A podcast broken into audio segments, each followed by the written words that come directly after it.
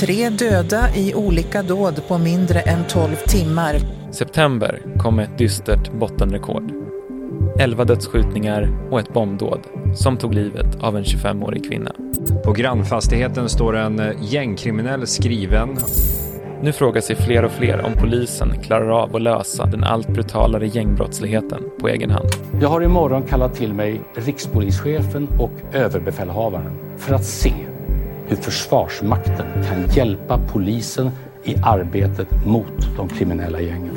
På en kvart får du veta vad Försvarsmakten kan göra i den här konflikten och varför vi inte kommer se beväpnade soldater jaga gängkriminella på gatorna. Det kan skapa mer bekymmer än vad det löser. Det är tisdag den 3 oktober. Det här är Dagens Story med mig, Henning Eklund. Gäst idag är Mattias Ståhle, reporter på SvD.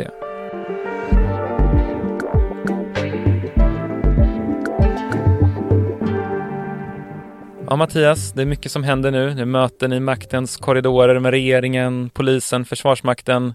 Vad är det som händer?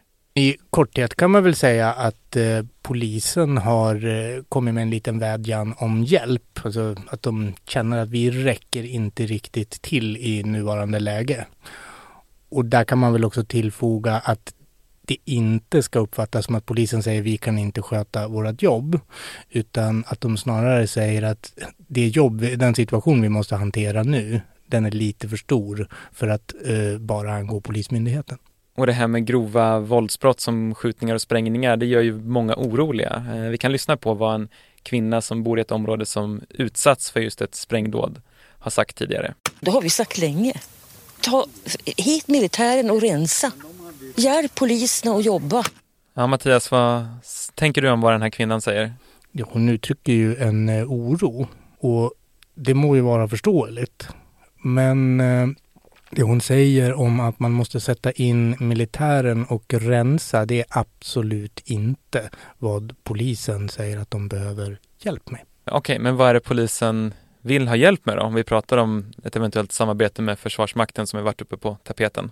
Om vi tittar i nuläget mot bakgrund av den här våldsvågen som har pågått nu sedan, ja, sedan i julas egentligen i, i vågor då är det faktiskt eh, mest kontorsuppgifter. Alltså man vill ha hjälp med dataanalys och bearbetning av eh, underrättelsematerial. Eh, ska man försöka översätta det i konkreta termer så vill polisen veta var är det sannolikt att det smäller nästa gång? Finns det någon möjlighet att vi kan vara där redan innan och avstyra eller åtminstone kraftsamla och få dit resurser fort så att vi kanske kan gripa någon på plats eller få bättre förutsättningar att reda ut brottet som har inträffat. Och den kompetensen finns hos Försvarsmakten, eller? Ja, alltså både polisen och eh, Försvarsmakten har ju var för sig den här förmågan. Men eh, dessa myndigheter tycks också vara överens om att Försvarsmakten är bättre på det. Och det här är ju någonting som Försvarsmakten har antytt att eh, det här kan vi ställa upp med.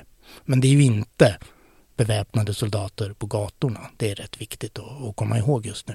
Och den här oron som många har, påverkar den också politiken?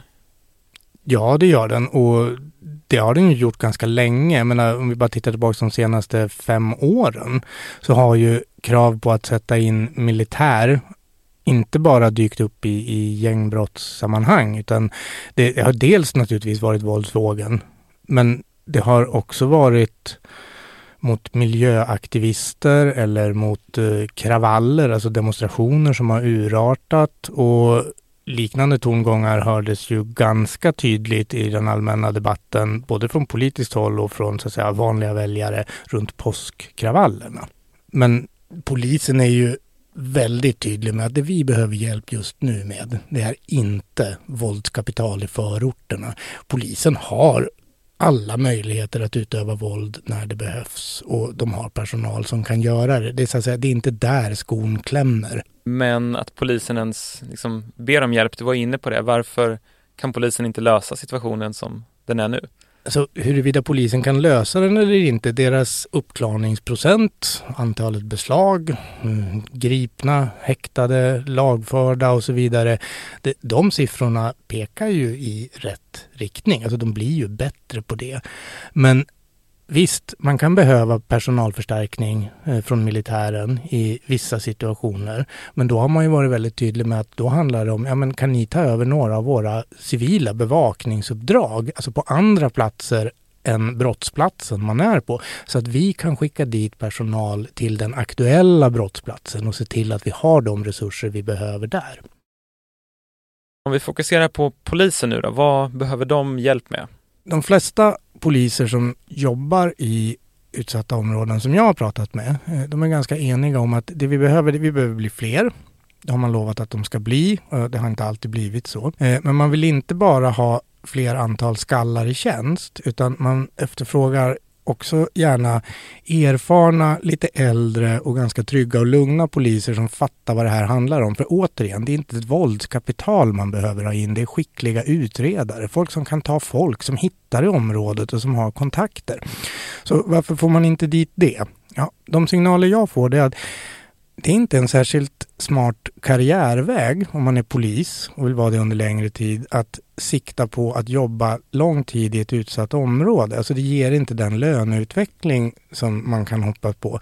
Det, det finns för många andra vägar som ger bättre betalt och därför söker sig väldigt många bort. Och det tänker jag att det är ju en fråga som Polismyndigheten bör sköta själv utan att blanda in andra myndigheter. Och den kanske borde lyftas upp på bordet lite oftare.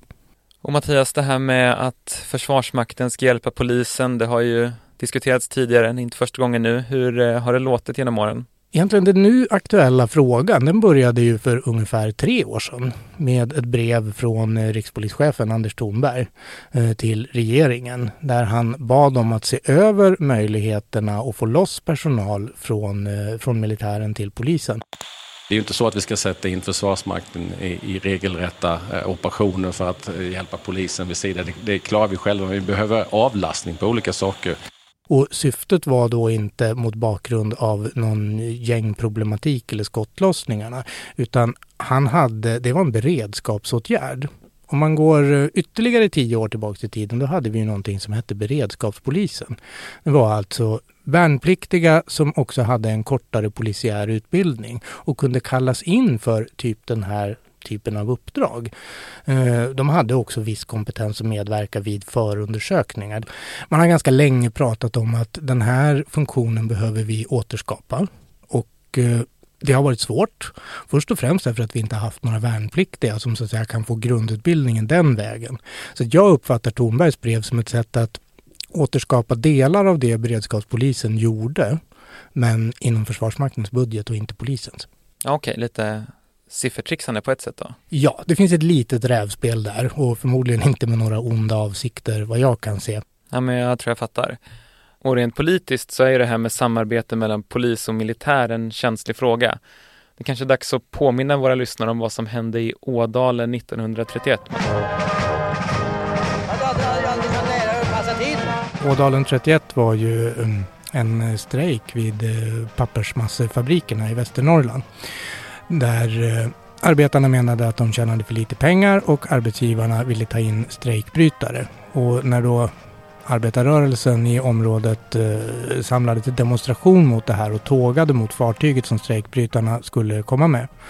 Då saknade den lokala polisen resurser och man valde att sätta in militär.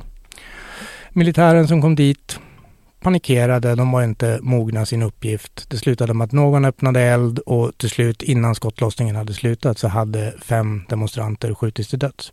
Och lever de här minnena kvar än idag när man pratar om militärer och soldater? Eh, som ska samarbeta med polisen? Ja men det gör de ju. Jag menar dels för att det är en, en väsentlig del av vår historia och det är ju också så att säga den faktiska händelsen som har lett till att det har bedömts politiskt omöjligt att blanda ihop polis och militär i det här landet. Men man ska också komma ihåg att det här är väldigt länge sedan, det är snart hundra år sedan. Och det som är viktigt här och idag, det är kanske inte så mycket vad hände i Ådalen 1931, utan det vi behöver titta på det är ju snarare vad kommer att hända om vi nu ändrar lagarna så att militären och polisen får större möjligheter att samarbeta.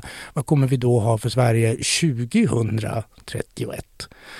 Och det är väl förhoppningsvis en av de saker vi kanske kommer att få lite mer svar på de kommande veckorna. Därför att vi har ju fortfarande inte några konkreta lagförslag från, eh, från politiken eh, att ta ställning till. Men om man nu ändrar, man mjukar upp det här, man luckrar upp så att det blir lättare för militär och polis att samarbeta, då är det liksom inte så mycket frågan vad, vad dagens polisledning och vad dagens politik vill använda det till. Men de här lagarna ska vi ha med oss under lång tid. Och tittar vi tio år fram i tiden, vad kommer nästnästa regering ha för åsikt? Vad kommer nästnästa rikspolischef ha för åsikt? Och vad kommer nästnästa överbefälhavare att ha för åsikt i den frågan? Så på det sättet så är det ju betydelsefullt.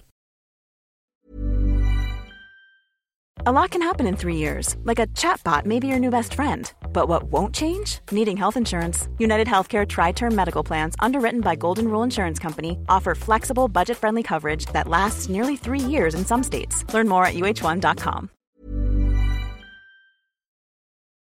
Om man ser det från Försvarsmaktens perspektiv då, det är ju ett all, väldigt allvarligt säkerhetspolitiskt läge i Europa.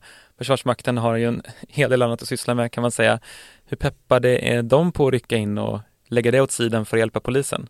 Ett kort svar på den frågan är ju inte alls. Och ett eh, lite längre svar är väl att överbefälhavaren har ju förstått att polisen vill ha det här. Eh, och han kan naturligtvis inte säga nej. Eh, så alltså måste han säga lite halvja och det är vad han har gjort. Han har ju sagt att han är beredd att diskutera de här frågorna. Och i slutet av förra veckan så kom han ju fram till, ja men det här uttryckta då, hjälp med dataanalys, ja men det bör vi kunna eh, fundera på. Eventuella ta över beredskapsuppdrag vid exceptionella händelser, ja men det är klart att vi bör kunna fundera på det också. Eh, och även om det belastar våran budget och gör en ansträngt läge, så det ligger ju i vårt intresse också. Därför att om det här händer så behöver ju även Försvarsmakten ha rutiner för det och då måste vi börja utarbeta dem redan nu. Vi kan inte vänta tills vi faktiskt är i gråzonsläget. Som vi ser till situationen vi har nu med skjutningar och sprängningar så kan man inte tänka sig att det här får någon större påverkan låter det som. Jag har mycket svårt att tänka mig att det på, i det korta perspektivet kommer att påverka. Men framöver då? Du sa att det kommer kanske komma ett lagförslag här. Vad kommer du ha ögonen på kommande veckor? Om jag ska vara riktigt ärlig så kommer jag nog inte titta så mycket på vad militären får för nya befogenheter utan jag kommer nog snarare att titta på, det här är ett bra initiativ. Det här närmandet behövs säkert eh, därför att myndigheter i Sverige ska dra åt samma håll. Men skolan då? Socialtjänsten? Vad gör man för dem? De har ingen samlande rikspolischef som kan gå ut och kräva förändringar, ingen överbefälhavare.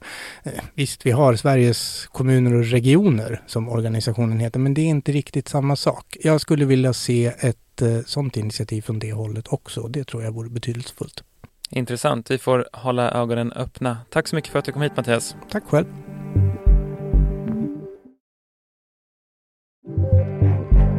Programmet idag klipptes av Lasse Edfast. Redaktör var Stina Fischer och jag som programledde heter Henning Eklund. Vill du kontakta oss? Mejla på dagensstory.svd.se.